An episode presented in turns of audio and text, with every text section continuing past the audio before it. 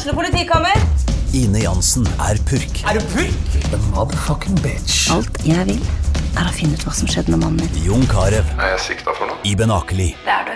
Ole So, Lars Berrum og Big Daddy Karsten. Hvem sin side er du på, egentlig? Anette Hoff, Tone Danielsen, Kommer du fra Afrika? Jørnis Josef, Nesten. Kløfta. Trond Espen Seim, Det er synd å si det, men det var feil mann som døde. Purk. Premiere tirsdag på TV2 Play. Dum, dum, dum, dum, durum, dum, durum, dum, dum, dum, durum. Durum, durum. Så var den jeg eh, prøvde å synge litt på.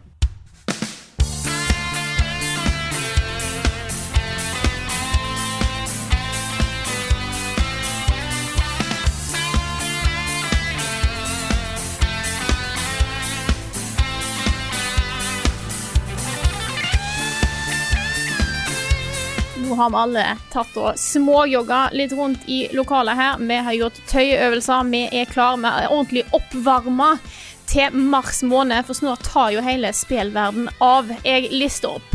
Pokémon Mystery Dungeon, Ori and the Will of the Wisps, Neo 2, My Hero Wants Justice 2, Animal Crossing, Doom Eternal, Half-Life Alex, Bleeding Edge og OnePiece Pirate Warriors 4 kommer alle sammen i mars. Hva Wow. spill Ja.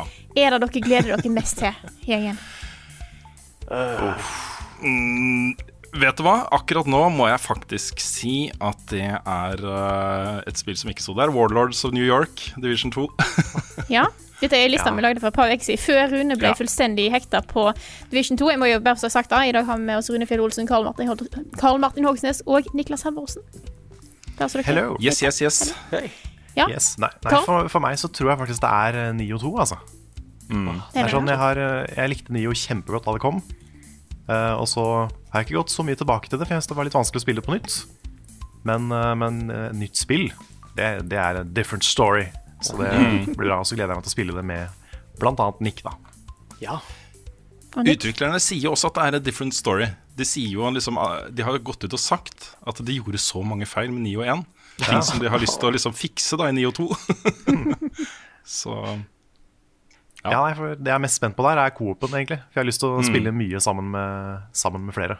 Ja. Ellers så er det jo egentlig Doom Eternal. da Det er Doom Eternal som har uh, trona øverst for meg av de spillene der. Så det, det blir jo ikke feil, det heller.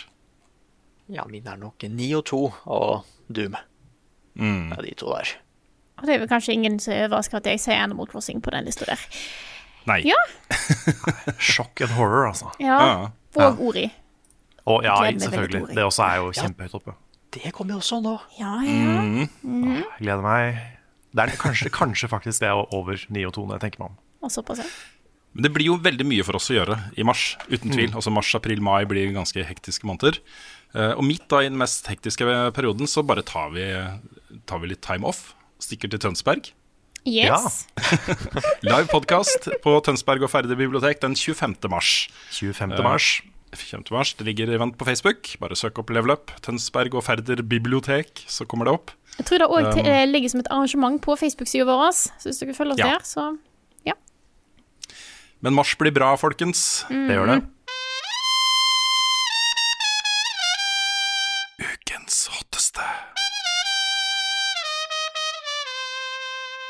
Ja, Nå har vi allerede fått uh, illustrert et lite problem med den vignetten jeg lagde til den spalten her. For den er jo litt, sånn, litt morsom. Den er ment å være litt morsom. Og noen ganger så snakker vi om temaer som ikke er så veldig morsomme. Så det blir liksom litt kontrast da mellom den trompeten som jeg brukte, og temaet denne gangen her. For vi må snakke litt om koronaviruset. Eh, Covid-19, som det heter nå. Covid-19. Eh, er det lov til å kalle det koronaviruset fortsatt, Du Frida? kan jo sikkert gi det, at tingen er jo da at dette er jo en virus av typen korona. Mm. Men de fleste influensavirus er òg av typen korona.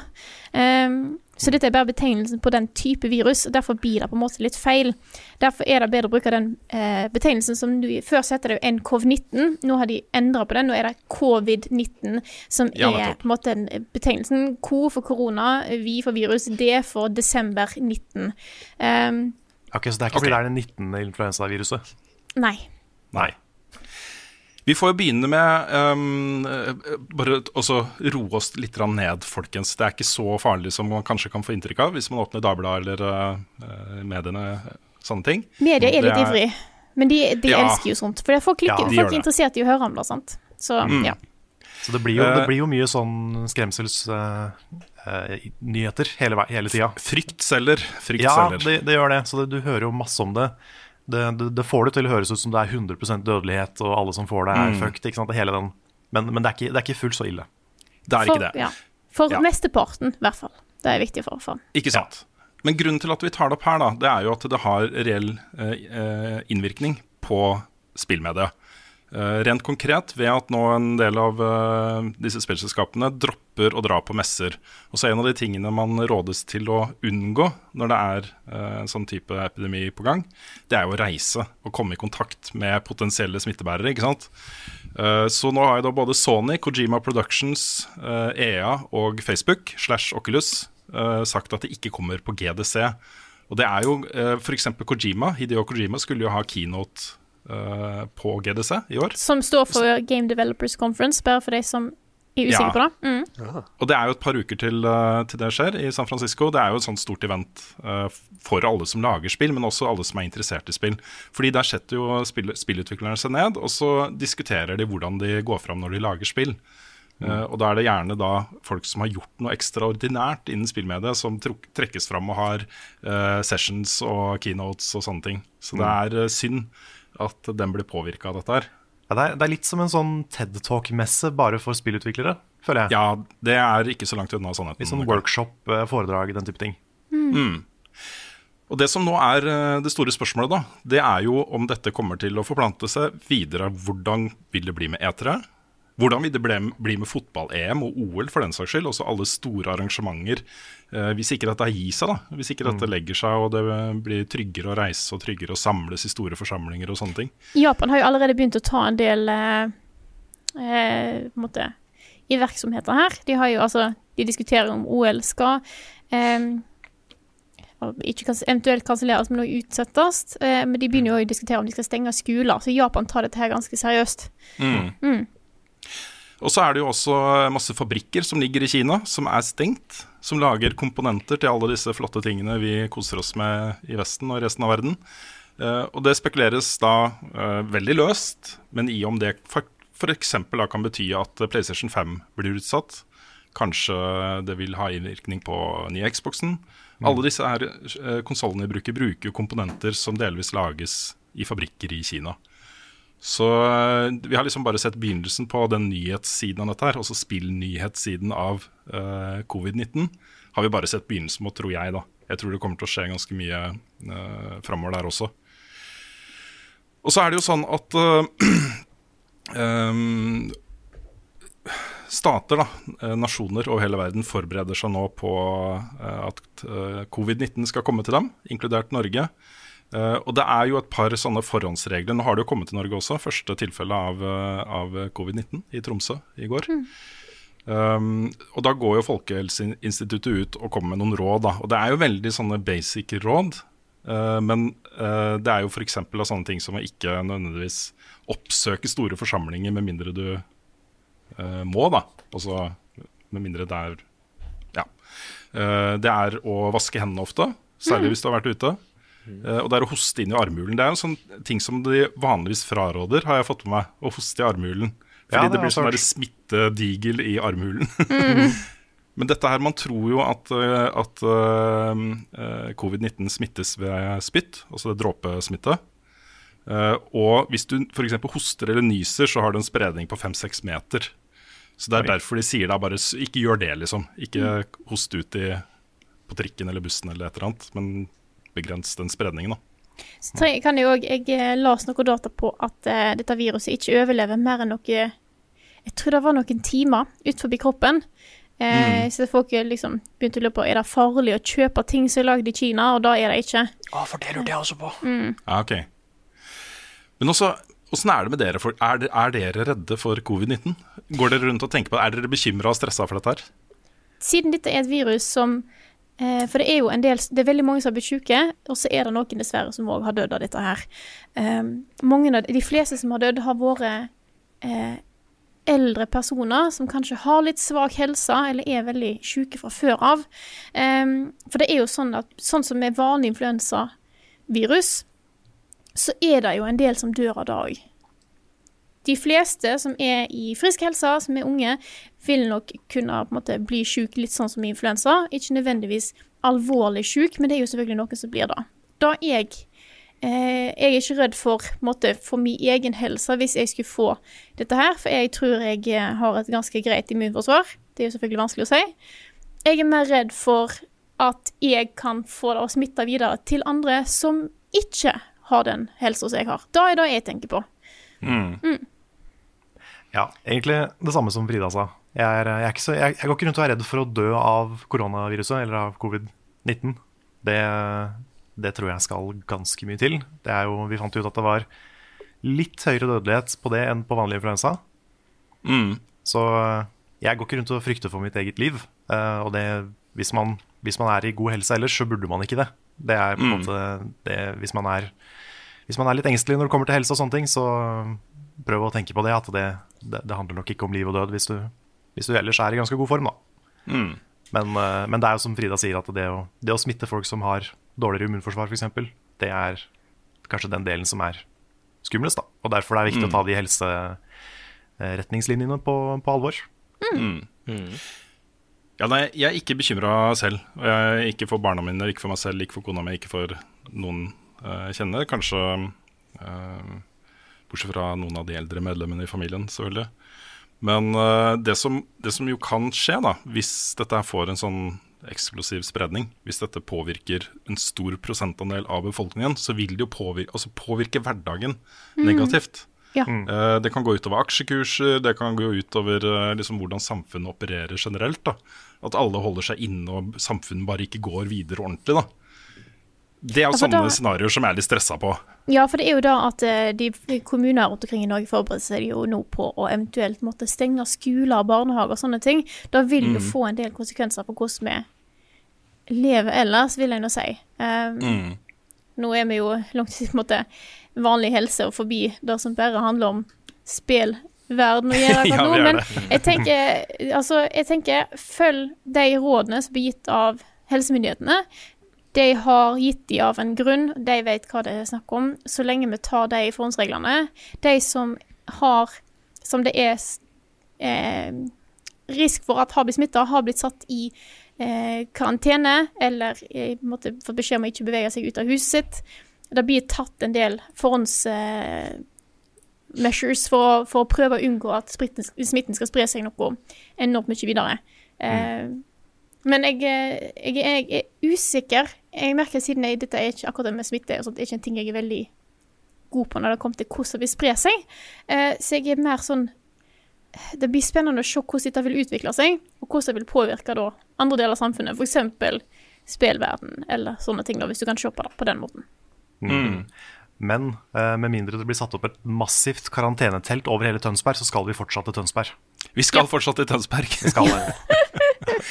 Og så vil jeg sånn avslutningsvis bare tenne et lite lys for han jeg så på Twitter i dag, som hadde um, flydd i innenlands i Norge. Hvor det satt et, et, eh, landslag i et eller annet fra Kina på flyet. Alle hadde sånne kinesiske landslagsdrakter hvor det står China på ryggen og sånne ting.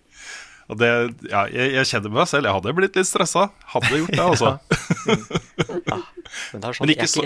Nei, ja, bare fortsett, Nick. Nei, fordi jeg er ikke redd, men jeg er bare sånn irritert, for det er så slitsomt. Mm. Jeg husker Da, den der, da ebola dukka opp, det, det, var litt skummelt. Det var sånn, vet du hva, jeg, jeg holder meg litt hjemme, ba, bare for å være sikker. Mens mm. nå er det bare sånn Ja, ja. En, enda en influensa, liksom. Ja. Ja, we've done this dance before. ja, here we go again, altså. Jeg har jo tenkt litt på det, fordi at jeg jobber jo på en veldig internasjonal arbeidsplass. Og på mm. alle dører og vegger inn og ut av bygg så henger disse beskjedene fra helsemyndighetene. Mm. Så den er litt uh, in my face. Ja, det, det, kan være at liksom på, uh, på bussene, som er de fullstappa bussene i Oslo, kommer jeg kanskje til å tenke litt på det. Mm. 31-bussen. 31-bussen, den er jeg aldri i rushtida. Ja, den, men det, det trenger ikke å være rushtid engang. Den bussen er alltid full. Ja. Mm. Nei, jeg, må, jeg, jeg, tenker jo litt på det, altså, men litt på samme måte som at jeg får lyst til å tvitre om det. da Sånn som han fyren som satt på det flyet. Altså sånn ha-ha, men mm, det også i, i tillegg, da. Fordi eh, vi passer en hund nå. Vi passer en ja, hund, hunden til naboen. Ja, ja, det er så koselig. Vi har snakka om det lenge. Men vi passer den hunden fordi hun skal ut og reise. Og det var sånn når hun dro med kofferten sin, så var det hakket før jeg spurte 'Hvor skal du reise?' Så ja, det, ligger der liksom som en sånn tanke i bakhodet hele tiden. Mm. Men det, det, er liksom Ja, det, dette er en stor ting, og det er viktig å ta det på alvor. Men, eh, men, men prøv også å roe nervene, alle som, som hører mm. på. Det, er, eh, det, går nok bra med de fleste. De aller, aller fleste. Hva har du spilt i det siste? Og da er vi i hvert fall tilbake til å snakke om spill 100% Hva har vi spilt i det siste? Har du lyst til å begynne, Nick? Ja, jeg, jeg kan begynne. Ja, jeg, jeg, har spilt, jeg har spilt mye rart, altså. Er, mm -hmm. Jeg har spilt litt uh, Spilt mer Snack World etter at jeg anmeldte det. Bare mm. for å se om Var jeg kanskje litt streng mot det spillet? Men så var jeg ikke det. Jeg, jeg får liksom ikke den derre uh, det, det, dropper liksom en eksotikk. ikke sant? Og bare yeah, nå må jeg bare skaffe fem til, og så kan jeg kanskje se på det som at jeg har fått skikkelig bra lut, ikke sant? Mm. Jeg får ikke den gleden av lut. Og jeg er så glad i lut! Det, det, det er litt dum. Men uh, en ting jeg har lyst til å si til deg der, Nick. Ja. Altså, du ga det jo seks av ti. Mm. Men det, jeg opplever det som en god karakter, hvis du skjønner hva jeg mener. Altså, jeg, jeg, jeg, tenker at de som ble litt gira av å se det spillet, og høre deg snakke om det, allikevel liksom får lyst til å sjekke det ut. da mm. Fordi du er positiv, og du liker det, og du har det gøy, liksom. Og så er det de tingene som du mener trekker ned. da Og det er en veldig bra ting som anmelder. At en seks av ti kan liksom anses som en bra karakter. da Ja, for ja. det er jo egentlig det. Det er jo over halvveis, holdt på å si. Ja, mm. Mm. ja og, og, så det er jeg, jeg, bra streng, men rettferdig er det beste man kan være som, uh, som anmelder. Av hva som helst. Ah, vet du hva? Det, det, er så bra at du sier det, fordi jeg, jeg syns jeg stressa litt med å få fram at dette er bare det jeg syns. ok? Det er så mye jeg mm. liker, og det er bare den ene tingen som ødelegger skikkelig for meg. ikke sant? Ja. Men hvis du ikke har noe problem med den loot-greia, så er det jo et flott spill for det. ikke sant? Mm. Mm. Så, og igjen, seks av ti er jo teknisk sett ikke en dårlig score. Nei, nei, nei. nei. Det er over OK. Mm. Ja, så det, så det er Og så har jeg spilt uh, det skal jeg ikke snakke så mye om, fordi det driver, driver jeg anmelder nå, men jeg fikk jo kode til dette her uh, One Punch Man. Mm. Ja. A hero uh, uh, A hero nobody knows. Der kan du lage din egen superhelt og ja, levele opp og gå opp i ranken på dette Hero Association. da. Ta ut monstre og sånn. Vet du hva du burde gjøre, Nick? Ja? Du burde ta liksom alle de character creators-spilla og bare photoshoppe et bilde av alle de forskjellige nikkene. Ja, det blir ganske mange ja. sånne nikker in game nå. Jeg prøver, jeg prøver, alltid å lage meg selv. ikke sant? Det, det er ja. ikke så dum idé. Nei, kanskje bare lage en sånn der, eller, eller en sånn art, uh, artbook, nesten. Mm. Det, det, kunne egentlig blitt en veldig så morsom video, hvor jeg bare ranker character creators med ja. kul nikken her. Ja. ja. Oh, det er faktisk ikke en dum idé. Topp ti nikk i spill. Ja. ja. oh, dette er en god Den skal jeg stjele, Carl. Jeg gjør det. Du kan få sa at det var til nikk til spill, men ja, jeg skal stjele for det, for det, det, er en god idé. Altså. men jeg, jeg, har lagd meg, da. Nice. Eh, og hvis folk eh, Hvis det er noen som ikke vet at One Punch Man er en, er en superheltanime, handler om en kar som har trent seg selv så hardt at han tar alt med ett slag. Og grunnen til at han heter Grunnen til at spillet heter A Hero That Nobody Knows, er fordi det er ingen som veit at det er han som tar ut disse monstrene på ett slag. Mm. Folk tror at det er noen andre kule helter som gjør det, ikke sant? Hmm. Et tidspunkt i animen, bare, det, bare for å liksom sette stemningen her, så har de nemlig en sånn ranking. De skal prøve å fastsatt hvor sterk han her fyren er. Eh, og han sprenger jo alle testene, og det er bare å regne med at det er noe feil med systemet. For det går ikke an at han er så, så det er bare på en måte De bare slår det vekk. Bare sånn Nei, det er sikkert noe galt. altså bare sett igjen langt ned på rankingen. ja, det er bare sånn. Det virker som at det kanskje er en gud som bor i kroppen til den karen der. Mm. Nei, nei, jeg tror ikke det, altså. men, men, kommer det noen gang til å være en sånn plot twist hvor noen overlever det ene punchet? Det er ja, da vi venter på, vet du. Ja. ja. Never know. Og jeg skal jo liksom ærlig si at hver gang han slår, så blir det litt sånn Hvis han overlever nå, da Oi, oi, oi, da, da blir jeg gira, ass. Mm. Det er litt sånn som første gangen The Doctor møter The Master, liksom. Altså, det er en annen. Og det er, det er noe som kan måle seg med han. ikke sant? Det er jo det største øyeblikket. Ja, for det er liksom bare ja, ja, altså nok en skurk, men så fort han overlever Oi, oi, oi, ok. Nå, nå, nå. You have my attention and interest. Altså, nå ble det spennende.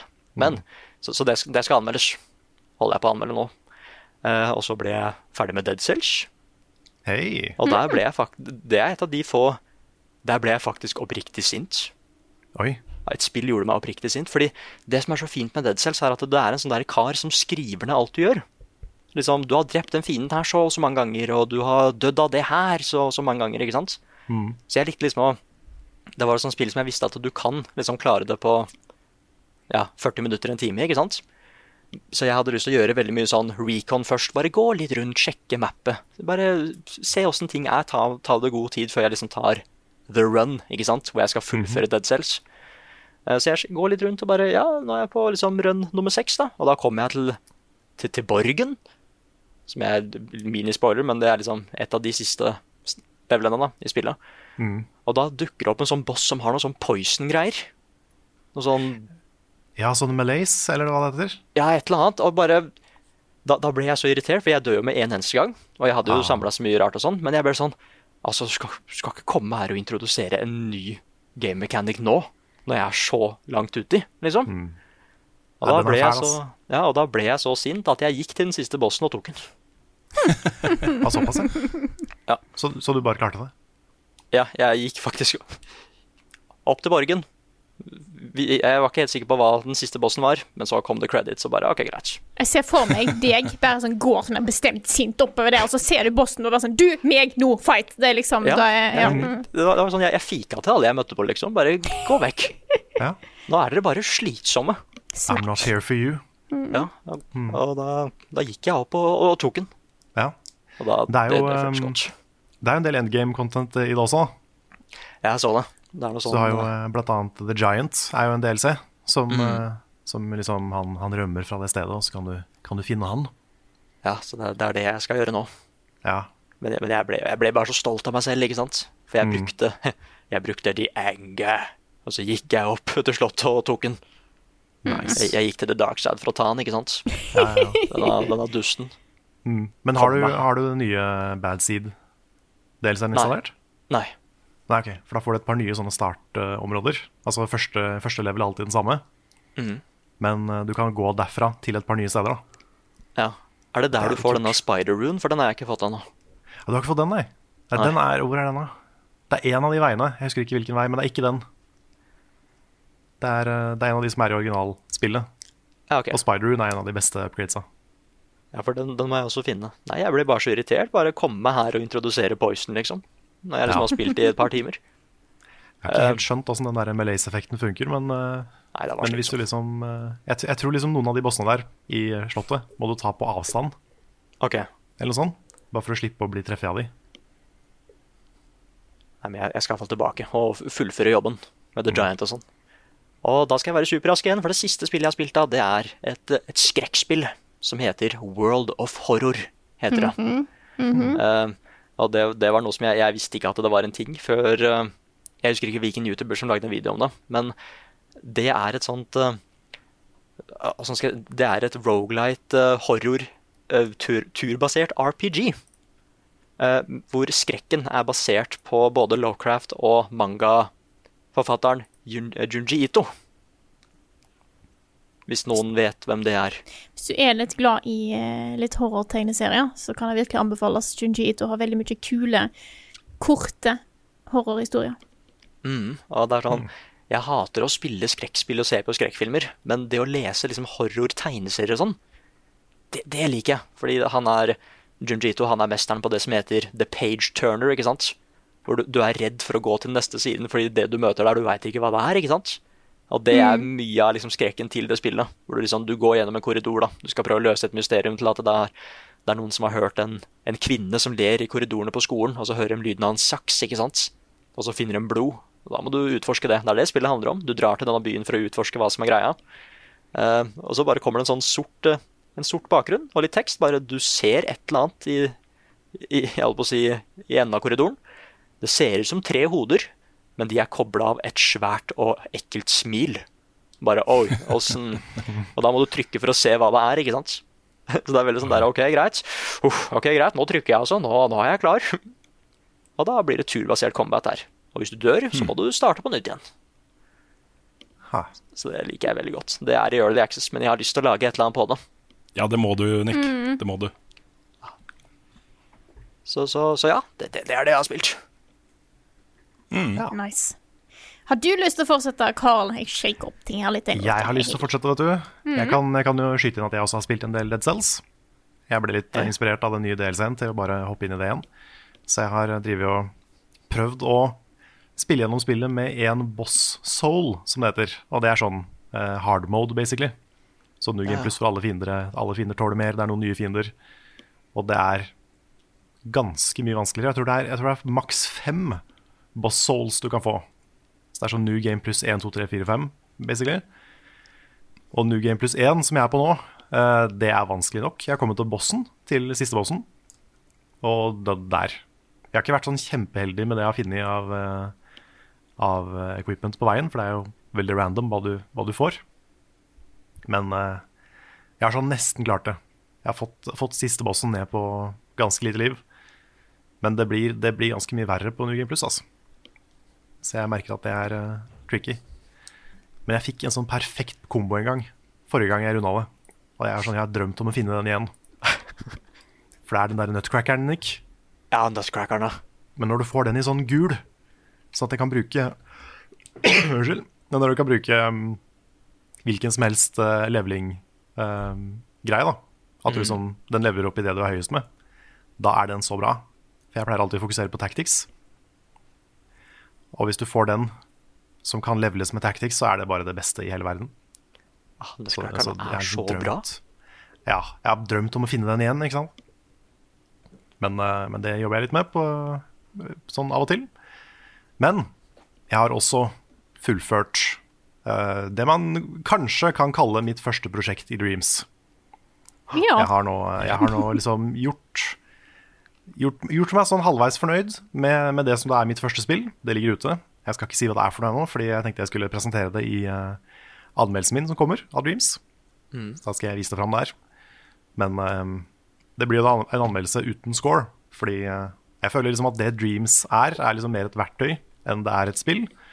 Og så har jeg en sånn følelse at det kommer til å ta litt tid før man får se nøyaktig liksom hva Dreams kommer til å være.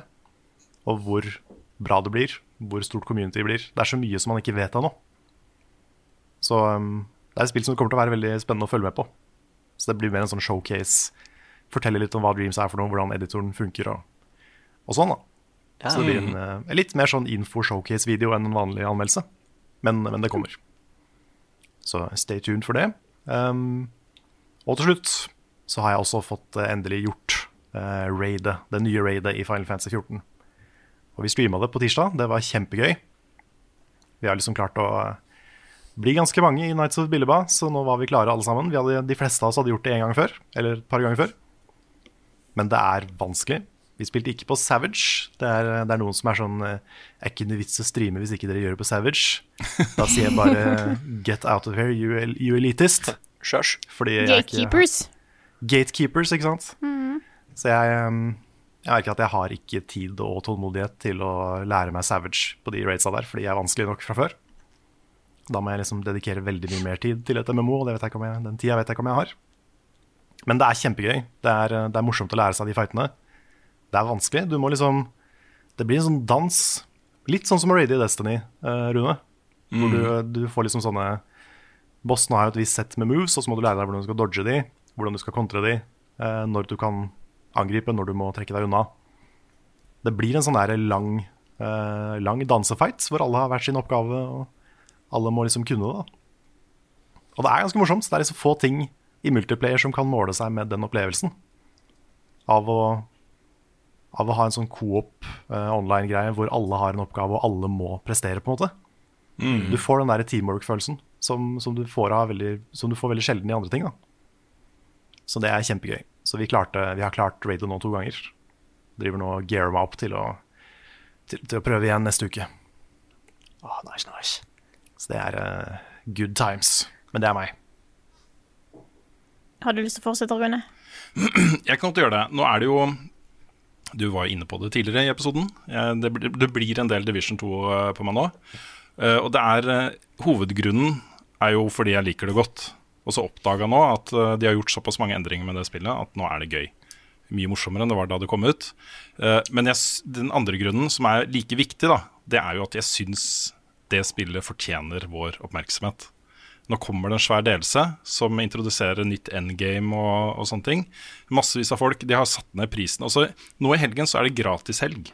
Hvis du ikke har spilt Division 2, ikke er det før, så kan du spille gratis nå i helgen.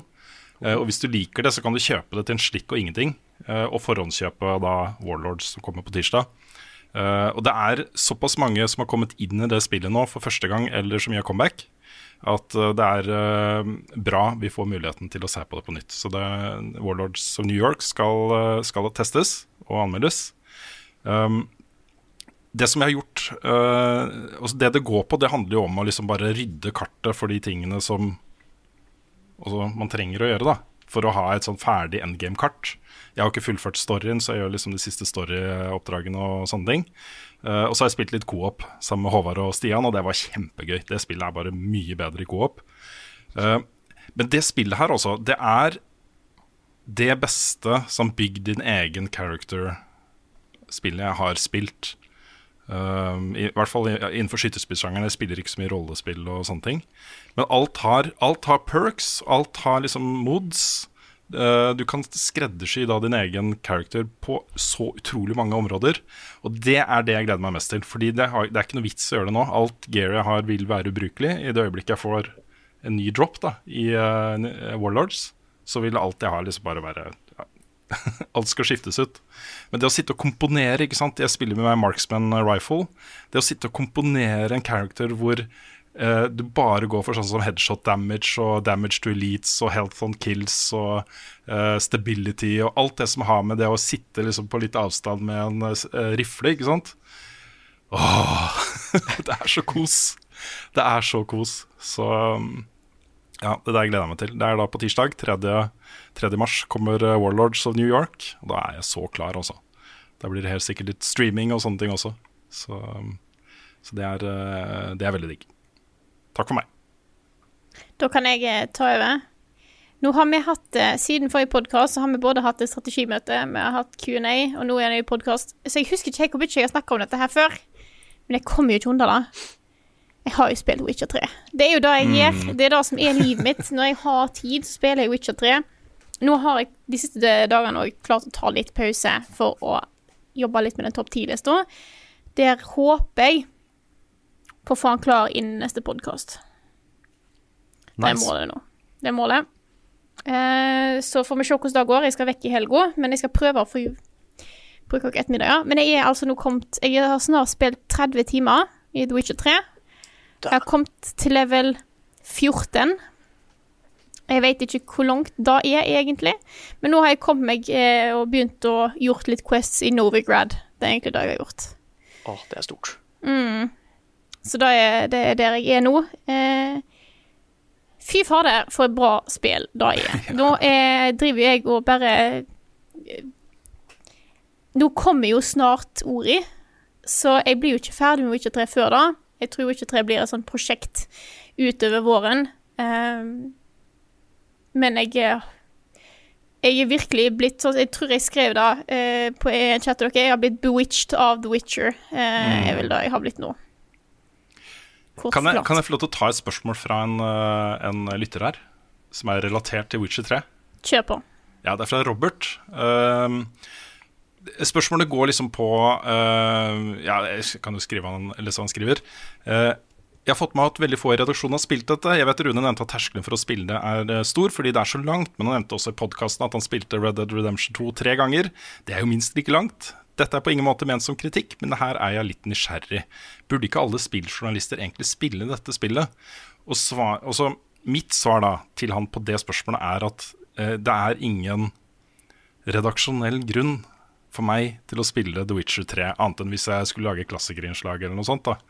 Eh, og da blir lengden et argument. Og så skal jeg sette meg ned med et spill som jeg må dedikere kanskje 100-150-200 timer til for å spille helt gjennom um, bare fordi jeg har lyst, det er vanskelig. Det er liksom det som er terskelen min. da.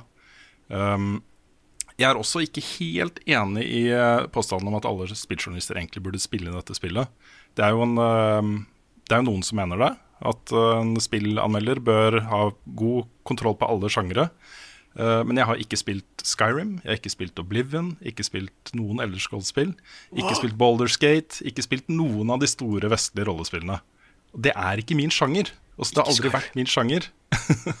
så dette er på en måte uh, Min tilnærming til et spill som Witcher 3 må være liksom open world, uh, utforsking, action, sånne ting. Mm. og jeg liker jo at det har et kontrollsystem som er tilrettelagt for håndkontroller med litt mer sånn uh, sømløs uh, tredjepersons uh, action adventure combat. Det, jeg, bruk, jeg spiller med kontroller. Funker fint. Ja. Mm. Så, så, det er det som er min tilnærming der, da. Men det er altså sånn at jeg ikke nødvendigvis kaster meg over store vestlige rollespill i utgangspunktet. Så det at jeg er nysgjerrig på Witcher 3, handler om litt andre grunner, da. Mm. Så, ja. ja. Litt sånn for min del, for jeg har heller ikke spilt det. Eh, ellers er det jo en del i redaksjonen som har det. Frida har spilt det nå, Nick har spilt det, Svendsen har spilt det. Du kan ikke si at jeg, jeg, har ikke spilt det ennå. Jeg har spilt det litt. Du har begynt på det? Jeg har begynt på det. Ja. Nei, for min del så er det litt det samme som Rune. Det er litt mer min sjanger kanskje enn det er din. Um, men det er som du sier, det at det er et spill fra 2015, og nå er vi i 2020, og vi skal helst dekke så mye som mulig. Så det blir liksom Det å finne tid til å spille et så svært spill utenom level up er litt vanskelig, fordi um, for eksempel så brukte jeg jo hele sommerferien på catch up i Final Fantasy 14. Jeg brukte hele juleferien på å spille Death Stranding, fordi jeg følte det var et såpass viktig 2019-spill at jeg burde ha det med i min vurdering av året, liksom. Så, det å liksom få tid til å spille så svære spill er litt vanskelig. Og jeg er for så vidt enig i at det er et spill som man burde spille hvis man er uh, spillinteressert, og hvis man er, har en rolle i Jeg kan se det argumentet, men du kan samtidig si det om veldig mange spill. Mm. Det er ikke bare The Witcher 3. FIFA? Liksom, ja, altså, du kan, du kan, trekke inn Fifa, men også liksom gjennom historien så har du Mario, Super Mario 64, du har Krono Trigger, du har Skyrim. Du har veldig veldig mange spill som har definert spillmediet de siste åra. Uh, og jeg, jeg synes, for meg så er ikke The Witcher 3 på førsteplass der. Men det er ganske høyt, så jeg skjønner, liksom, jeg skjønner den. Men det er veldig, veldig mange spill man burde ha spilt. Og man rekker ikke å spille alt. Så vil jeg jo òg eh, si eh, eh, Bare som For det, det, er akkurat litt den Det handler litt om den terskelen å komme i gang med noe som er så stort. Um, hvis jeg skulle finne tid til La oss si at det, er, det kom ut et storspill nå i mars. Som jeg vet kommer til å ta meg 100 timer, men jeg er supergira på å teste det. Da er det lettere å komme i gang med det. Fordi at det, liksom, det er nytt, det er noe kult, jeg kan teste det, det blir relevant, og så setter jeg i gang med det, og da blir jeg gira, og da er det lettere å fortsette. Men da å komme i gang med noe som jeg vet ikke er aktuelt, som derfor ikke er superrelevant for level up-jobben min, um, og det er kjempelangt, og jeg vet at dette må jeg gjøre på min egen tid, da blir det vanskeligere å komme i gang. Og det er jo derfor jeg har brukt så lang tid på å faktisk starte på The Witcher 3. Selv om jeg har hatt tid til andre ting før. Eh, jeg har jo hatt lyst til å spille, men så valgte jeg å f.eks. spille New Automata og Persona 5, for det var mer aktuelt. Jeg følte det var mer nødvendig av meg å spille det da. Mm. Så da at jeg begynte på dette nå, var jeg nesten litt tilfeldig. Men det er litt større terskel å komme i gang med et eldre storspill enn de nyeste storspillene. Ja, så jeg har ikke noe problem med å dedikere tid til ikke-relevante spill på fritida mi. Det gjør jeg jo. Um, Red Dead Redemption 2 jeg hadde ikke noen grunn til å runde det tre ganger, annet enn at jeg hadde lyst til å gjøre det på fritida mi. Men når jeg gjør det, da, når jeg setter meg ned med et nytt spill, så tar det jo tida jeg bruker på andre ting. Uh, nå ville det vært Division, uh, også Destiny, TV-seriene jeg følger med på. Alt ville måtte vike, da. Fordi jeg dedikerer tiden min til et stort annet prosjekt. nå, men skal jeg bruke brukt masse tid på privat. Så jeg har alltid en satt spill som går, og som jeg spiller privat, og som jeg dedikerer utrolig mye tid til. Så det er bare det at um, uh, At jeg velger ja. å prioritere andre ting når det ikke er relevant for jobben min. Så, um. Men alt det sagt, da, så er jeg helt enig i at jeg burde ha spilt The Witcher 3. Og jeg har lyst til å gjøre det. Jeg, jeg, jeg lyst til å gjøre det. Og jeg har lyst til å liksom Det hadde vært kult i level up-sammenheng å gjort noe ut av det en gang. Mm. Sånn at, at vi to spiller f.eks.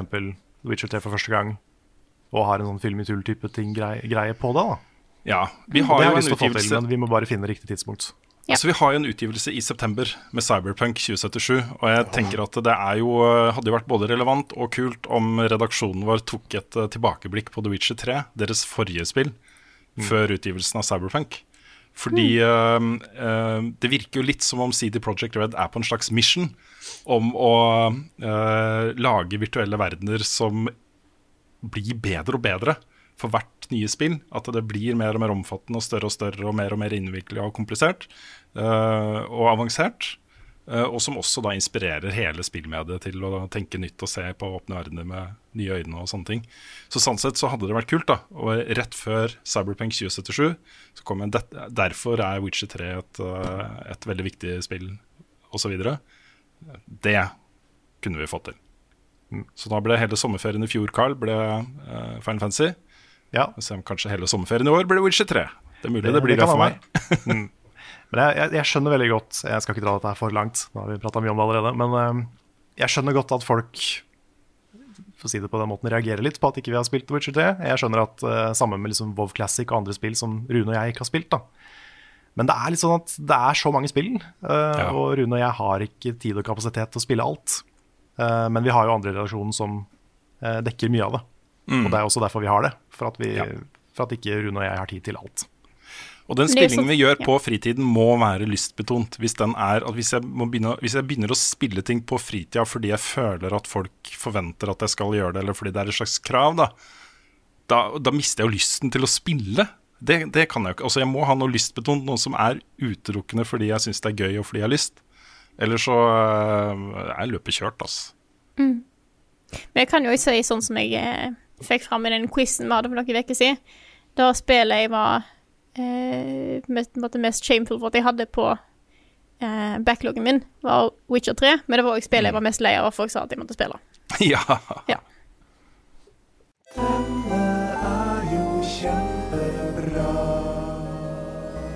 Ukens anbefaling.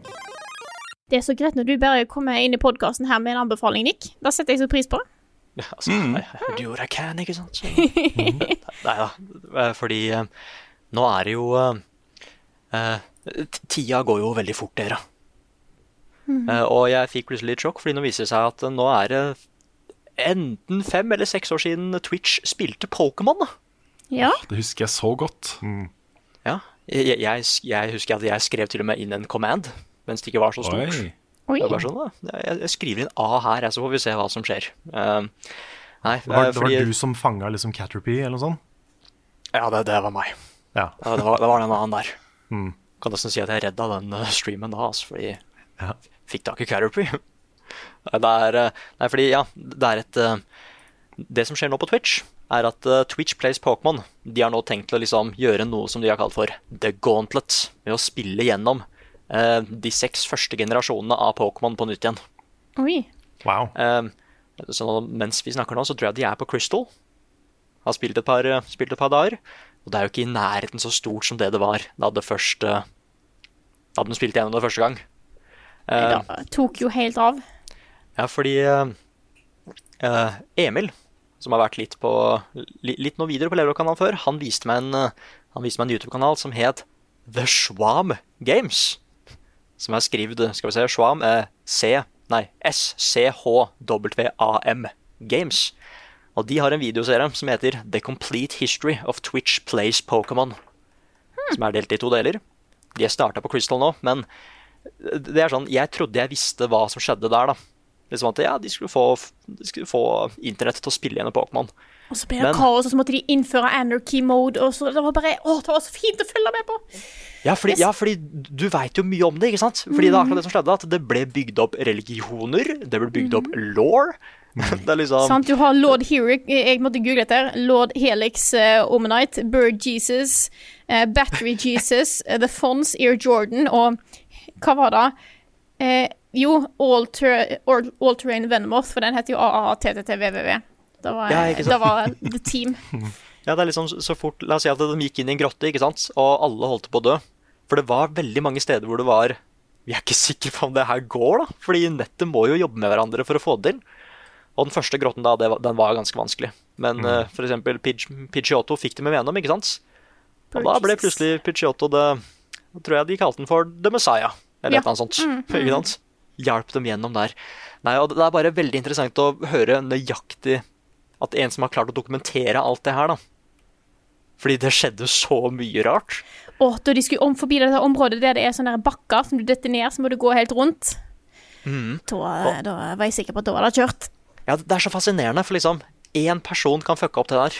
Mm. Og det liksom få denne hive-minen av folk da, til å gjøre det samme, til et common goal, liksom, det, det er kult. Mm. Og det, det, er, det, er, veldig trist at det liksom ikke er like stort som det det en gang var, men det var så genuint, liksom. Folk bare lagde historier, og de fulgte med på det liksom dag inn og dag ut for å se om det faktisk var mulig, da. Så jeg anbefaler alle å se den serien der. Den er på to, er på to parter. Hver mm. part er på rundt sånn 16 minutter. Det, den skal jeg se. Jeg har vært litt nysgjerrig på teknologien der. Sånn hvordan de faktisk har gjennomført det. Ja. Så jeg har ikke satt meg så mye inn i det, så det, det skal jeg se. Nei, det, det, ble liksom Civil Wars, og det var sånn Det var skummelt å liksom gå til PC-en for å ta ut Pokémon, ikke sant? For plutselig så er det noen som blir sletta, ikke sant? Eller bare Ja, det var vel da skjedde vel òg et par ganger, tror jeg. Ja, så de har sånne svære events og sånne svære timelines, da.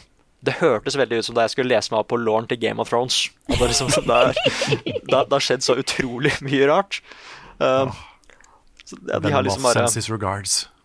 Ja, altså liksom, de har bare uh, The Forest Event, så bare Oi, The Forest Event, hva er det for noe? Nei, det var det som holdt på å stoppe hele streamen. Oi, ja, da, da, da må jeg finne ut hva han er, ikke sant? Hmm. Nei, så det var et sånt, det var et sånt rart rabbit hole å bare lete gjennom, da. Bare finne ut av nøyaktig hva var det som egentlig skjedde da Twitch spilte Pokémon. Ja, The Psyduck Wedding. The Psyduck Wedding. ja, ikke sant? Mm. Nei, så jeg anbefaler å se den. Og hvis du vil da, så kan du Jeg antar at det fortsatt er live når denne podkasten her kommer ut. Så kan du se at Twitch spiller Pokémon live. Om det enten har kommet seg forbi Crystal her nå på Pokémon Emerald, som er det neste spillet.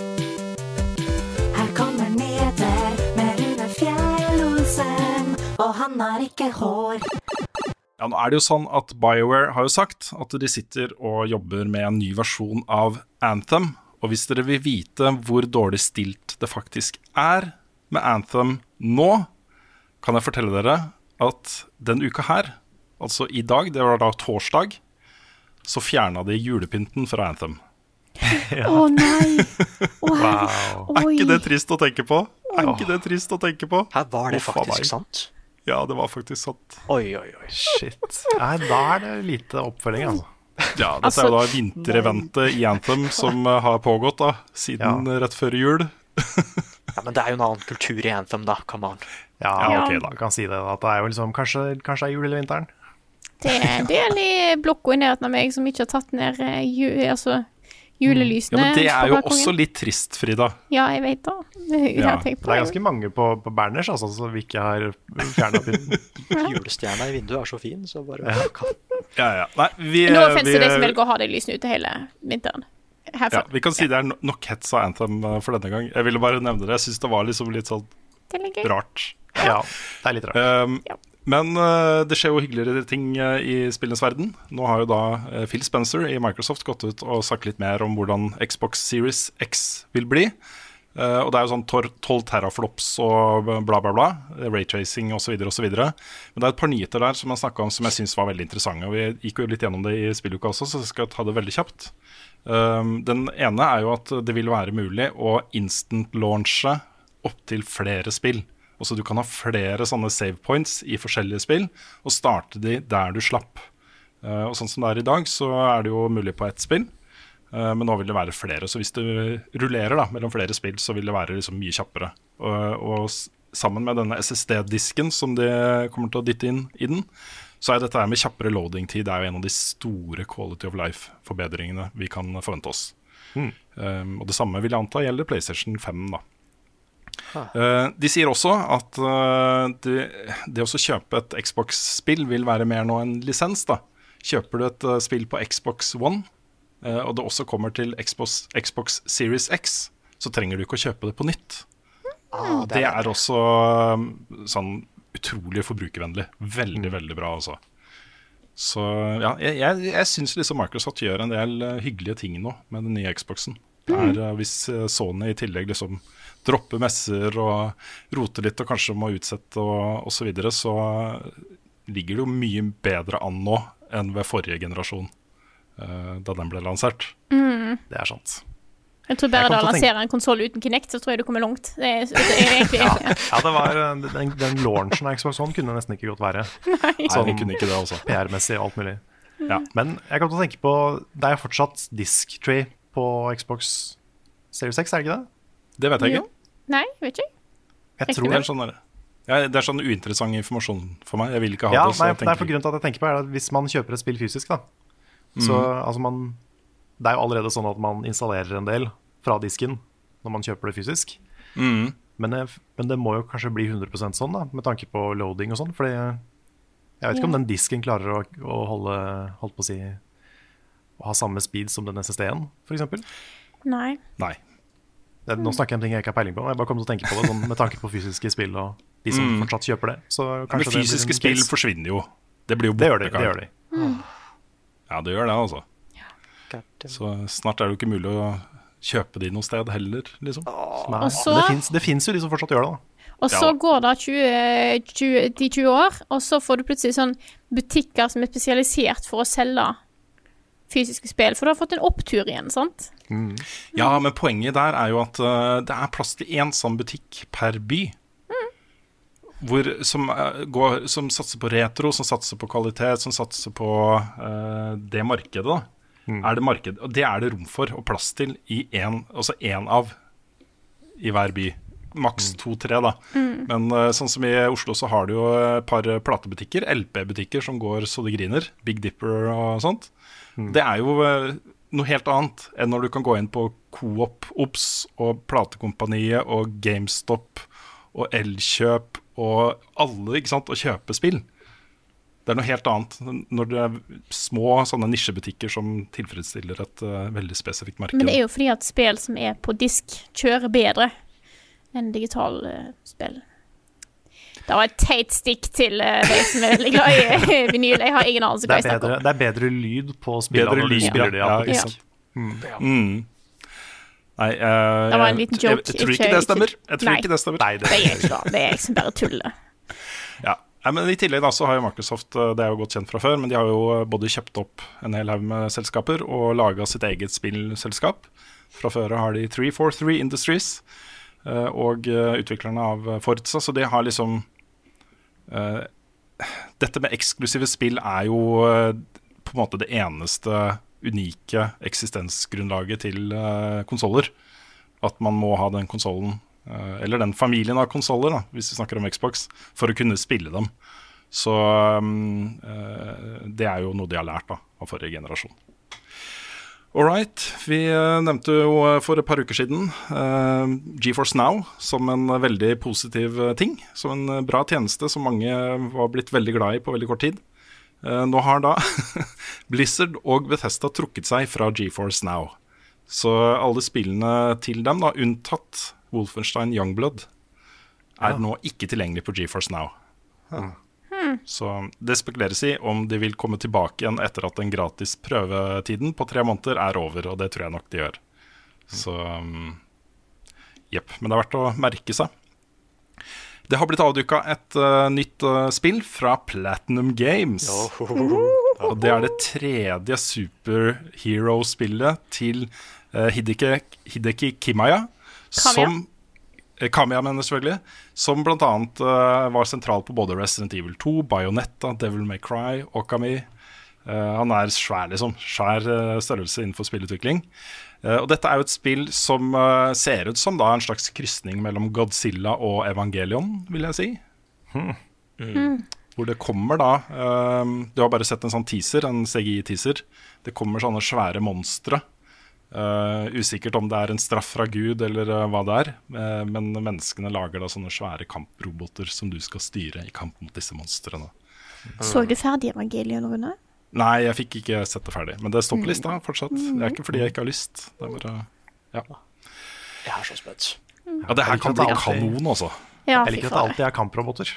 Ja. Det er, sikkert, det er sikkert veldig lite sånn egentlig teknisk gunstig å bruke kamproboter over andre ting, men det er veldig, jeg setter pris på at de gjør det. Ja, estetisk eh, flott. Det heter Project GG foreløpig. Og det var jo en veldig sånn typisk, uh, typisk uh, Platinum Games-trailer. Men det var Project GG is a go-go!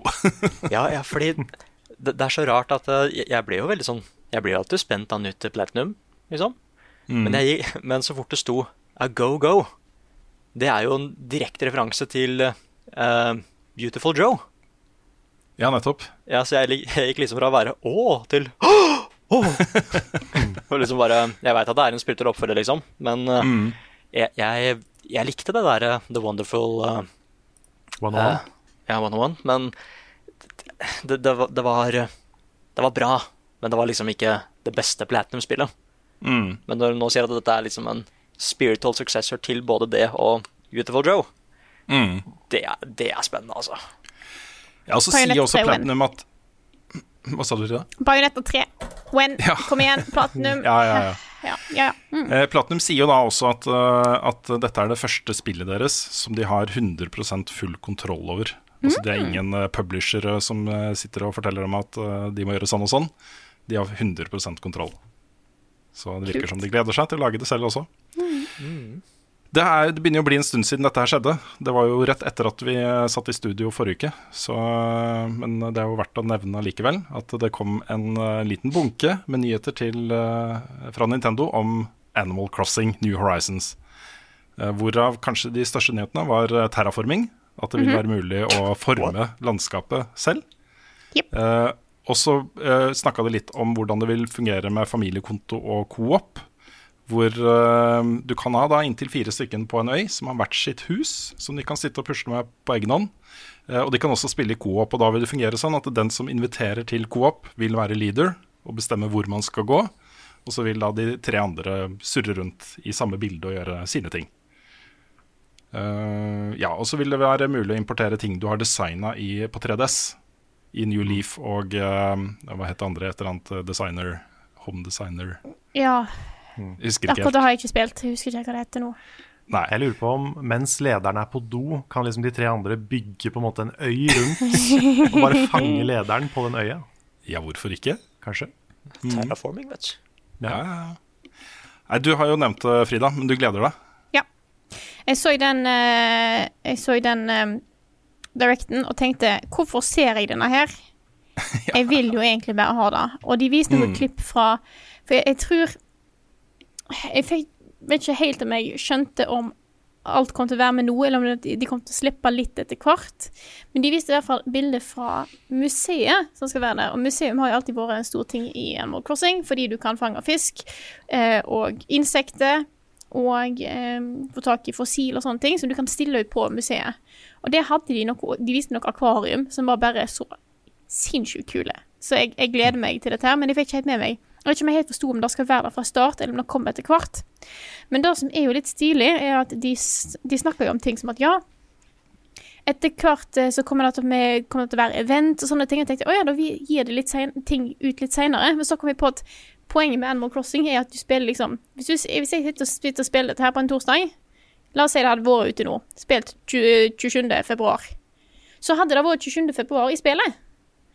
Sånn at da at events kommer senere, er naturlig, fordi at du kan ikke ha en sommerfestival som er ute nå, for den skal ikke du spille før den sommerfestivalen er etter sommeren.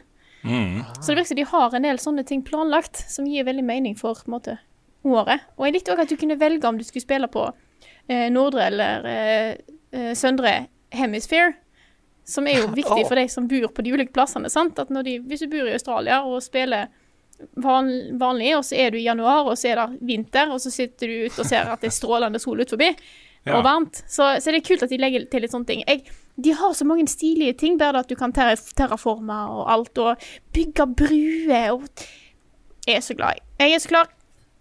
Bare, ja, gi meg et spill her. Nice. Jeg vil ha det. Jeg det er sånn Jeg er spent på hvordan det blir med altså konkurranse internt hos meg mellom Witcher 3 og Animal Crossing. Uh, Mm. Hva som skjer. Kanskje du er ferdig med Witcher 3 før uh, 20. Ja, det er jo lov å håpe. Det er det.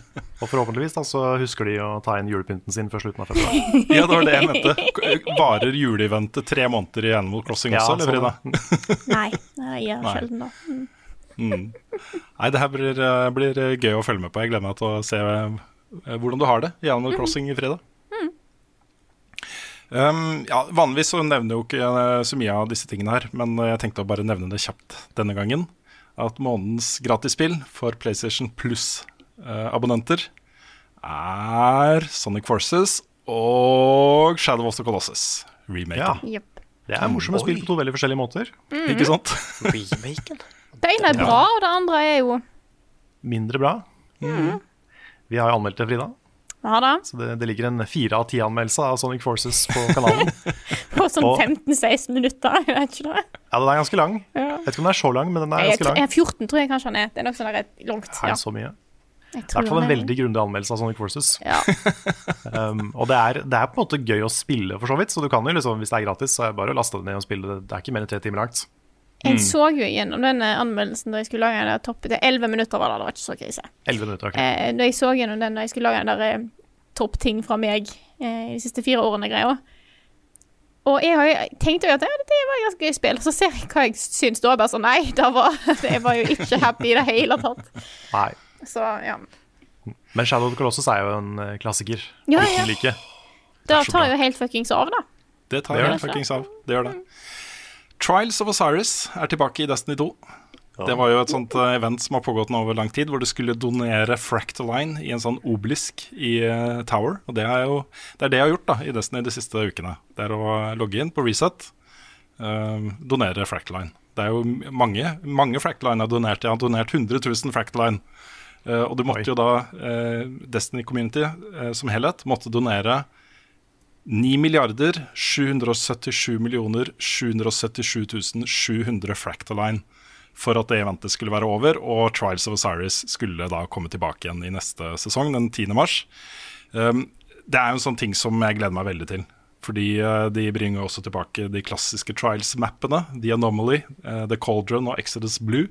Så dette blir jo en sånn eh, trip down memory lane-type ting. Gleder meg veldig.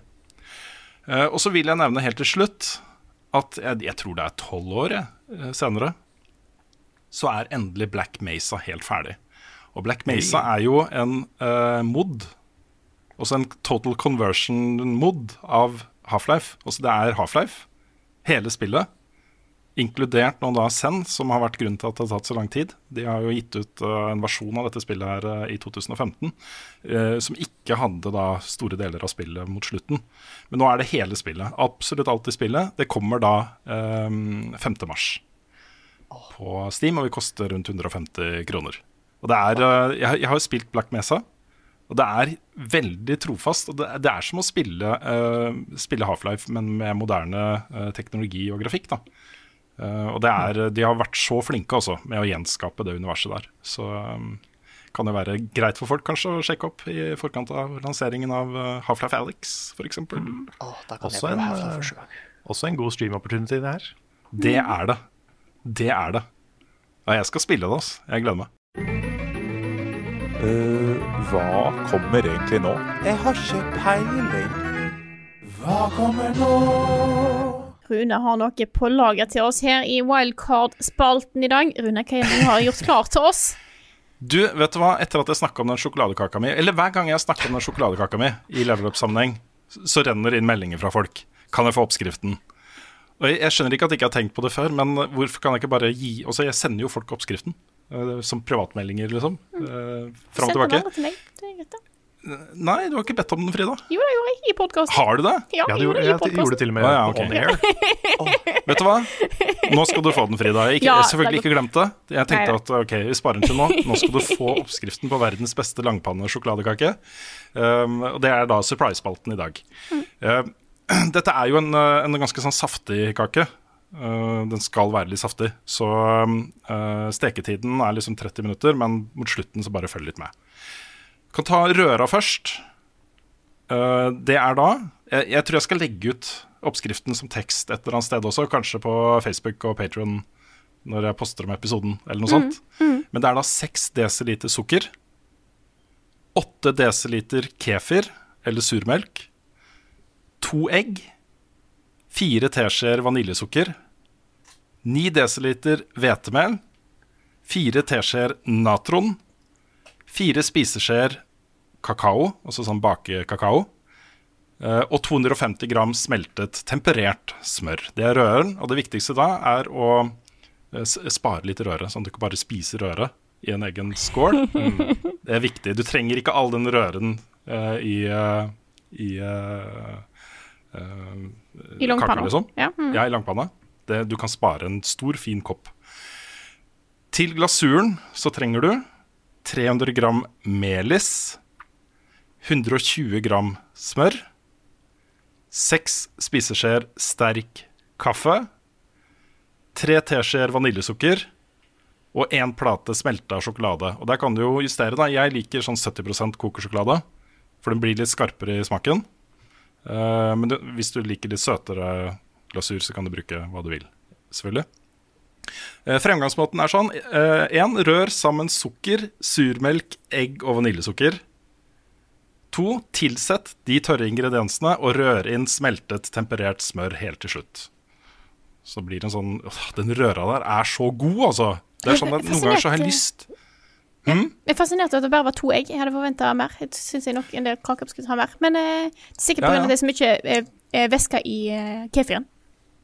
Jeg tror det er helt sikkert det er derfor. Mm, mm. Men uansett, liksom, den røra der har jeg noen ganger lyst til å lage bare rører. Liksom. Den er så god. Den er så god. Uh, ja, og så, da, så, heller du den over i en langpanne, og så skal den stekes uh, i ovn uh, på 170 grader i ca. 30 minutter. Jeg pleier å ha en sånn spisepinne som jeg, når det nærmer seg 30 minutter, så begynner jeg å stikke inn og så rugger jeg litt på den og ser om den er uh, veldig sånn wobbly fortsatt. Når den ikke er wobbly, den fortsatt liksom litt, uh, er litt soft, da, så tar jeg den ut. For det skal være litt, være litt soft. Det var da, Jeg har lyst til å legge på sånn uh, Ingrid Espelid Håvig-musikk bak, kanskje. Mm. Eller noe sånt. Det eneste som mangler, er til du sier at du har juksa litt, så har du kake allerede. Ja, ja, ja. ja. jeg har det jeg har fortsatt i, um, i um, fryseren fryst ned uh, fra forrige gang jeg lagde denne kaka her. Men den er sjukt god, altså. Mm. Den er sjukt god, så um, anbefales å teste ut. Yes, Jeg skal prøve å huske å legge dette inn i uh, når jeg poster om det også, sånn at folk kan gå inn ja. Du glemte ja. framgangsmåte på glasuren. Er det noe spesielt der? Ja, det kan jeg gå litt gjennom. For da tar jeg først bare legger smør og uh, bryter opp kokesjokoladen og smelter det i en kjele. Uh, og så uh, tar jeg oppi kaffe. Uh, og så tar jeg oppi melisen og vaniljesukker. Mm. Bare rører rundt med en sånn visp til den har fin konsistens, og så heller jeg bare over. Mm. Jeg liker å pynte med Nonstop. Nonstop og Seimen er min mm. foretrukne pynt der. Aldri feil Nonstop og Seimen. Helt sant. Hva er hennes best, hvor var fredag sist, har Carl egentlig sopp? Ukens spørsmål. Og etter å bli godt frista av den kaka til Rune, så setter vi i gang med spørsmål- og svarspalten. Vi har fått et spørsmål her fra Kristoffer Lien, som jeg tenker å starte med. Han skriver Skaperen av Konami-koden Kasuhisa Hashimoto gikk nettopp vekk i en alder av 61. Så derfor spør jeg selvsagt hva spill syns dere har den kuleste Konami-koden? Og for litt uh, forklaring her, så setter jeg over til deg, Rune. Vær så god.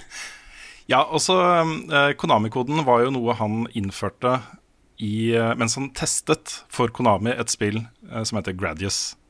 Uh, og dette er jo på 80-tallet. Han la den inn rett og slett fordi han i intern testing av det spillet, det var jo et ganske vanskelig spill, så, så var det ikke så hensiktsmessig å dø hele tiden. Så den koden ga jeg da fullt med power-ups Nei, skal vi se. Den ja, gjorde fullt med alle power-ups. Unntatt, står det her på Wikipedia, speed up, double and blazer. Um, det var rett og slett en kode han la inn som han hadde tenkt å fjerne. Uh, det gjorde han ikke. De glemte å fjerne den, og spillerne fant den. Og siden så har den blitt en sånn derre Vært med alle Konami-spillene. Alle Konami-spillene har Konami-koden på et eller annet vis, og den gjør masse forskjellige ting. I tillegg så er jo Konami-koden blitt en del av uh, hva skal man si, sånn nerdekulturen. Uh, det, både Siri og Alexa alle disse, her, Hvis du tar Konami-koden til dem, så kommer de med en respons da, som er uh, basert på at det er en nerdeting. Eh, det har vært brukt i filmer, på T-skjorter, overalt. Det har blitt en ganske svær ting, da. Hva er Konami-koden, Rune? Det er, skal vi se um, Det er opp, opp, ned, ned, venstre, høyre, venstre, høyre. Og så er det, skal vi se um, BA? BA-start? er BA, tror jeg det er. BA. Ja. Det, du skulle nesten hatt uh, den uh, Ja, BA er det. BA er det på slutten. Ja. Og start si på slutten. Ja. Ikke nødvendigvis. Ja, ikke Er det ikke det? nødvendigvis. Ikke ifølge Wikipedia. det er ikke del av den offisielle. Nei, ok. Så uh, den, har- den har blitt brukt til alt mulig rart. Og det å komme med liksom konkrete eksempler på beste bruken er umulig. Helt umulig. Jeg kan nevne den første jeg kom på. Det er at Hvis du bruker den når du kjemper mot The End i Metal Gear Solid 3, så får du se hvor han er. Hei. Ah, den er jo fin. Mm. Uh, Men det er jo hundrevis. Altså det er jo alle Konami-spillene, men det er jo i tillegg sjukt mange andre spill utenfor uh, Konami Det er som har brukt solid den. liste, ja. Ja, det er helt sjukt. Det er liksom uh, ja, jeg, jeg klarer ikke å engang komme med uh, International Superstar Soccer 98. Uh, Mario NBA, Party Give and Go. 1. Ja, Ja, det er sant. Rocket Silent League. Hill. Mm. Mm. Så er det til og med en eh, cameo fra Konami Code i Wreck-It Ralph-filmen. ja, nettopp. Stemmer det. Uh, League of Legends har Konami-koden. Grand Theft Auto Online. Ja, det er så mange, det er så mange spill som har, som har det, da. Um, uh, Ratchet and Clank, Up Your Arsenal, har en veldig fin en. Når du uh, bruker den uh, i det spillet, så vil da Captain Quark plutselig ha på seg en uh, pink tutu. En rosa Ballettskjørt. Ha. Ja, det er gøy, da. Ja, det Det er er morsomt. litt uh, gøy når sånne ting på en måte blir en, en såpass stor del av spillmediet, så det dukker opp litt sånn her og der. Det er en sånn kul et kult easter egg. Mm. Selv om på en måte det er såpass vanlige ting blitt etter hvert. Så Ja, det er jo gøy, da. Ja, det er kjempegøy. Start, å starte et spill og så teste ut den Konami-koden på forskjellige tidspunkt og se om det skjer noe. Og så gjør det noen ganger det, ikke sant? Det er jo kjempestilig. Det er gøy. Så, Jeg har, eh, ja. jeg har et spørsmål til her, hvis, jeg, Ja, hvis vi går videre. kjør på. Mm. Det er fra uh, Linn Sunniva Davidsen, som spør hva er det verste dere har hørt av dubbing og eller skuespillere som ikke snakker norsk, som skal spille nordmenn? og jeg må bare, som jeg alltid gjør, trekke fram X-Files-episoden Dodkalm. Som, som egentlig ja, Det var et forsøk på sånn Deadly Silence eller noe sånt da, på norsk. Så Dødens stillhet eller noe sånt skulle det egentlig hete, men den heter da Dodkalm. Uh, hvor, de, hvor da Mulder og Scully reiser til Norge. Uh, havner på et skip med da en, uh, en kaptein eller noe sånt som heter Trondheim. Og, eh, og, og da jeg, jeg har sett den scenen så mange ganger at det er nesten jeg kan den liksom utenat. Men jeg husker ikke nøyaktig hva den første linen er, men du har liksom ting som Hva tror du hender med kapteinen? er jo en av de. Eh, og den aller beste uh, replikken er jo da Få vekk det andre du tror du, og hvorfor tror du det etter du deg? så det, er, det siste er hvorfor tror du de etterlot deg? Men da det deg, og så, og så er det litt etterpå Se på meg, Trondheim, og så se på de selv. Og det er veldig, veldig, veldig poetisk. Så det er, det er veldig mange fine, fine lines i den, spesielt i den ene scenen. Jeg tenker jo at uansett nesten hvor du er i verden, så fins det nordmenn. Kanskje det, kanskje det bare får lov til å spille inn ting på norsk? For, det, for det den scenen får meg til å tenke på, det er jo hvor mange amerikanske TV-show som er rundt omkring i verden. Og det kan godt hende det er så dårlig hver gang. Ja. Jeg hadde ikke blitt overraska hvis det var så ræva veldig ofte. Jeg har, ikke, jeg har ikke funnet noe som er verre enn den der, altså. Den, uh, Nei. Det er nok det verste. jeg, jeg har sett veldig lite av norsk sånn type Mm. Eller ting som det det er med nordmenn. Det er mest at de på en måte, eventuelt snakker engelsk, og så blir det sånn Hei, Norge! Ja. Um, mm. Det er jo den der fallout-greia, da. Med de som dør, Ja. og så sier de 'jeg kom hjem'. Mm. Sånn. Og så har du jo um, den scenen fra The Thing, John Carpenter-filmen. ja, ja. Hvor eh, det er jo på en norsk sånn forskningsstasjon på eh, Sydpolen. Mm. Jeg ser på, jeg har søkt det opp nå. Det de sier er 'se til helvete og kom dere vekk'. Det er ikke en bikkje, det er en slags ting. Det imiterer en bikkje. Det er ikke virkelig. Kom dere vekk, idioter! Med Nei. mye dårligere norsk eh, uttale. Ja, ja. Idioter. Ja. Så det er en scene jeg husker godt. Ellers så er jeg, Det er en digresjon, da, men jeg syns det er så kult i uh, Mr. Robot. Ja. Hvor du har uh, han svenske og kona hans som er dansk, som snakker til hverandre på svensk og dansk. Ja, det er kjempekult. Mm. Og Det er så utrolig stilig grep, altså. Det er så vidt jeg kan se ganske bra svensk og dansk. De er jo svenske og danske, så det Ja, så jeg går ut fra at det er bra. Det er lett for dem, da. Mm. Ja, det er kjempekult at de faktisk har det, har det med. Mm. Så er det jo eh, veldig morsomt. Jeg har hørt om eh, spanjoler, eller folk som snakker spansk generelt, er jo så lei av den tropen hvor en, eh, en person som snakker spansk, blir spurt hvem er det som gjorde dette, og svaret alltid er El diablo. det også er en sånn eh, spanjol trope. Mm. Nei, er det dere som har et eh, spørsmål til på lur veldig, veldig kjapt? Ja. Ja. Jeg har, ja. mm. Ja, ta det, ta det Nick. Kjør på, Nick. Ja, det er Nå stiller vi enda et Robert-spørsmål. Det må være et bra spørsmål, da. Så vi tar det nå på Patreon. Og det er Hvilket spill har fått dere til å gråte? Og da sier han Come on, guys, don't be shy, sier han. Mm. Et spill som har fått dere til å gråte. Alle. Alle. Alle spill. Det er ikke, Super jeg er Mario. ikke Nei, jeg Ja. Ja, men Super Mario Galaxy. Galaxy ja. ja. ja. Uh, det er sånn ikke Tetris. Nei, Uh, ikke Kabal. Ja. Ik ikke Grena-kabal. Det har ikke Sånn, gått så galt ennå. Eller så det meste. Jeg er veldig lettrørt. Det er en ting jeg bare gjør. Hva fikk deg mest rørt? Eller en av de som fikk deg mest rørt? Åh, jeg tror jeg greier ganske mye sammenhengende en periode i Undertale. Mm. Undertale er mitt nummer én. Ellers Men altså- generelt på slutten av spill. Enten bare fordi jeg er ferdig med de, og det er litt sånn Eller eh, på grunn av at det er sterke sluttscener, eller whatever. Det, ja. Jeg er ikke lettrørt, da. Det skal mye til før jeg faktisk gråter. Men det, har liksom, det er tre spill det har kommet en tåre også. Det er Blitt fuktig da, fuktig i øynene. Eh, hvor jeg, hvis jeg hadde ikke vært så utrolig tøff som jeg er, så hadde det hadde jeg begynt å hulke, liksom. Det er bare den ene mannetåra, ikke sant? Ja, det er, det er det. Men også, det er da Metal Gear Solid 3 på slutten der. Eh, det er eh, eh, Brothers. Og det er Shadow of the Colossus. Slutten på Shadow of the Colossus. De tre var uh, sjukt sterke. Ja. Ja, det er sånn I nyere tid så er vel uh, Spiderman fikk meg til å grine. Det skjer, det skjer noen ting og tang der. Ja, Eh, det er- ja, men det spillet som liksom har ordentlig drept meg, liksom, som, meg, som ødela meg, det er nok To the Moon. ja, ja. Det er eh, skal, skal ikke si hva det er, men helt på starten så finner du sånne origami-kaniner, ikke sant? Mm. Meningen bak de kaninene. Hvorfor denne personen lager de kaninene. Da døde jeg, altså. Mm. Det, det var faktisk for mye. Ja. Jeg har blitt mer lettere rørt de siste åra, egentlig, enn jeg var før. Så eh, de fleste spillene er liksom ganske nye. Men det er jo Undertale er jo nummer én.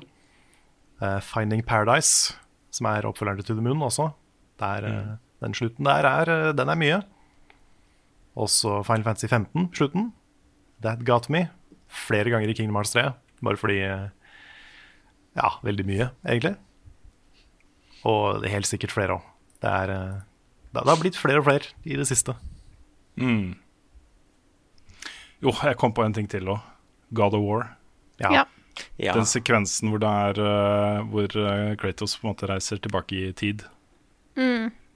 Og um, får høre uh, ting da som uh, Atreus har sagt om han til kona hans, altså moren til Atreus. Mm. Det var uh, Altså, det var jo post at jeg ble pappa òg, ikke sant. Så sånn som for eksempel The Last of Us tror jeg nok kunne blitt et sånt spill hvis jeg hadde spilt det etter at jeg fikk barn selv. Mm.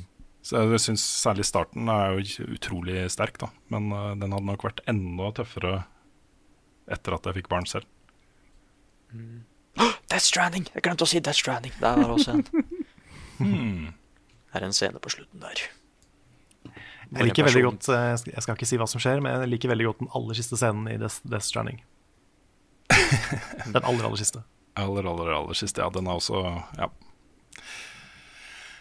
Ålreit, kan jeg ta et kjapt eh, spørsmål? Rekker vi det? Ja, ja, ta et, eh, et siste. Eller kjapt og kjapt. Det er et sånt spørsmål vi kunne brukt hele halvannen time av podkasten til å snakke om, egentlig, hvis vi ville. Ja, så gøy. Uh, ja. Det er fra Silakoid som spør. Eh, um, hei. Som dere også har påpekt, så virker det jo som om Microsoft, og muligens også Sony, ikke lenger har så mye fokus på konsollene og, og eksklusivitet. Men hva er da forretningsmodellen deres? Vil de ikke i praksis kaste bort hele markedsdominansen sin og bare bli en vanlig publisher? Og jeg er uenig i, uh, i spørsmålet, eller i uh, konklusjonen hans. Jeg tror det som vi ser nå i denne generasjonen, er jo at begge to satser på eksklusive spill. Ja, til en viss grad, men Microsoft er jo, har en litt annen approach, da. De Ja, har for jo er fordi de har eksklusiver på eh, PC også. Ja, Ja. for det er det jeg har sagt i så eh, en del år, er at jeg ikke har sett poenget med å ha en Xbox One hvis du har en sterk gaming-PC, siden Mm. alt av Microsoft sine egne ting kommer på begge plattformer. Ja. Den har jo jeg vært litt skeptisk Altså, jeg har ikke helt skjønt hvor de vil med det. Ja, det, dit de vil med det, er jo at uh, Xbox skal være på en måte en samla ting. Hvor du er på en måte Du betaler for Xbox Live og uh, Xbox GamePass og Xbox eh, Gold Ja. Uh, som en sånn samlepakke. Og så spiller du på PC, eller du spiller på Xbox One eller på Series X, eller etter hvert på tablets. Og, Mm, og så det, er jo, det er jo deres tanke, men du er innenfor Microsoft-familien, da. Mm. Ja, for det er det som er kanskje den største forskjellen på da, Microsoft og Sony når det kommer til Mm. de tingene her, at for, for Microsofts del så kan du like gjerne spille på en PC, Mm. mens eh, Mm. Sony har jo ikke de, de, har jo ikke Microsoft sine PC-ting, så de, de er mer avhengig av at du kjøper en PlayStation. Det er Mm. sant. Og derfor har du mer eksklusiver på PlayStation. Ja, og så har vi jo sett noen da PlayStation Exclusives havne på Epic Game Store. Det kan jo hende at eh, Sony liksom posisjonerer seg mot å velge en plattform, da, en PC-plattform, som eh, får spillene deres. Fordi eh, et salg av et spill er et salg av et spill, uansett om det er på PC eller PlayStation. Eh, og om en konsoll selger liksom 50 millioner eller 100 millioner, er ikke sikkert det er så viktig da, hvis spillene selger like mye eller mer. At uh, inntjeningen uh, totalt sett blir kanskje større da, av å eh, være litt Ja, mer er som plattformagnostiker. Mm. Det er jo veldig vanlig eh, å selge konsoller med tap. Og det, det er nesten bare Nintendo som ikke jevnlig gjør det. Mm. Så det også er jo en, en ting. Ja. Men det er fortsatt sånn at, at som forbruker, da, hvis du har lyst på en spillmaskin, så er det jo de eksklusive spillene, eller sånn i anførselstegn eksklusive spillene, da, som styrer det valget først og fremst. Så hvis du ikke har da, en øh, dritbra gaming-PC og uh, har lyst til å slenge ned i sofaen med et konsollspill og lyst til å kjøpe en konsoll, og det er Halo Infinite du har lyst til å spille, så er det jo Xbox som er det eneste valget. Så, så det er fortsatt viktig, altså. Hvilke spill som kommer til de forskjellige plattformene. Fordi Halo Infinite kommer jo ikke på PlayStation 5. Enn så lenge, i hvert fall. Kanskje i neste generasjon der igjen. Jeg må si at jeg ble litt distrahert, for det gikk en hund i bakgrunnen hos Rune. Da ble jeg veldig eh, Ja. uh, interessert i det. ja, det er Tito, da, som uh, Han liker kos. Er det. det er det. Det er da ikke Rune sin hund, men det er Rune som passer en hund. Jo. Jepp, jepp. Veldig koselig. Koselig å plukke opp bæsj. Og Ja. det har jeg ikke gjort på mange år. Ikke si at du var ung og mye ute og Det er sant. Nei, men jeg, er- jeg er- spent på å se hvordan det går hen. Fordi at, er det ikke fader Sony som gikk ut, gikk ut og spurte om folk var interessert i å se PlayStation-spill på andre plattformer? Ja, eh, på PC, da. Ja. Um, ja. Det, kommer, det, det er jo sterkt rykte om at Horizon er på vei til, til PC. Og jeg, jeg tror det kommer til å skje, da. Jeg tror eh, kanskje med noen måneders mellomrom så vil flere og flere av de store PlayStation-spillene komme på PC også. Det er ingen grunn til at de ikke skal gjøre det, på en måte. Så, og så 50 år seinere, så kanskje Nintendo begynner å vurdere det. Ja. de gir så beng, de. Jeg har, jeg har liksom vært sure på dem mange ganger pga. det. Bare sånn online, ha! Våre, eh, skal vi ha online-spilling på konsollene våre? Ikke snakk om. Og det var jo da etter at Xbox Live hadde tatt hele nettet med storm og sånne ting. ikke sant? Så kommer de da diltende etter en stund etterpå med sånne der rare løsninger hvor du må koble liksom headsetet til en telefon og åpne en app Ja, ja. og De, de kjører sitt eget løp på godt og vondt. Det er jo Mm. på mange måter det som gjør at jeg er glad i Nintendo også, men, eh, Mm. men de, på noen tekniske ting så er de litt etter, altså. Ja, det er det. Her skal dere spille på storkonsoller. Folk spiller jo kun håndholdt, sier de ikke det? Jo, jo, jo. Jo, jo. Ja, ja, ja. Ja, helt enig. Mm. Festlig gjeng. Mm. Men de, de vet jo av og til hva de driver med, da. Ikke De alltid. gjør det. De, noen ganger så vet de hva de driver med. Ja. Mm. Nei, vi skal ta og runde av eh, der, kanskje. Ja, det kan vi gjøre. Dette her har vært en spillpodkast utgitt av moderne media. Låten i introen og outroen er skrevet av Ole Sønnek Larsen og arrangert og framført av Kyosha Orkestra. Vignettene du hører i podkasten er lagd av både fantastiske Martin Herfjord og av Rune Fjell Olsen. Du finner Oh, yeah. masse mer innhold av oss på, eh, på YouTube-kanalen vår, youtube.com slash levelupnord, og på twitch.tv slash levelupnord, så er det bare å gå inn der og subscribe og følge og alt som går an. Eh, og hvis du har lyst til å være med og fortsette, gjøre at vi kan fortsette å lage masse masse kult innhold, så er det bare til å gå inn på Patreon vår, patreon.com slash levelupnorge, med det beløpet du sjøl har lyst til.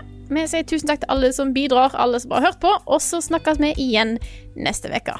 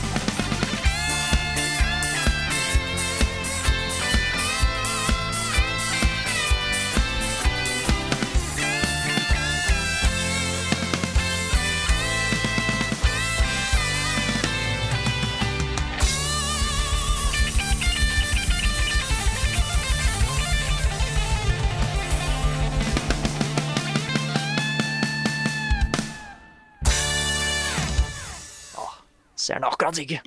Ja, jeg vet det. Jeg kan ta også Oi, vent, får jeg se? Å, det en sort hund. Se der, da. Åh. Har du et enkeltpersonforetak eller en liten bedrift? Da er du sikkert lei av å høre meg snakke om hvor enkelt det er med kvitteringer og bilag i fiken, så vi eh, gir oss her, vi. Fordi vi liker enkelt.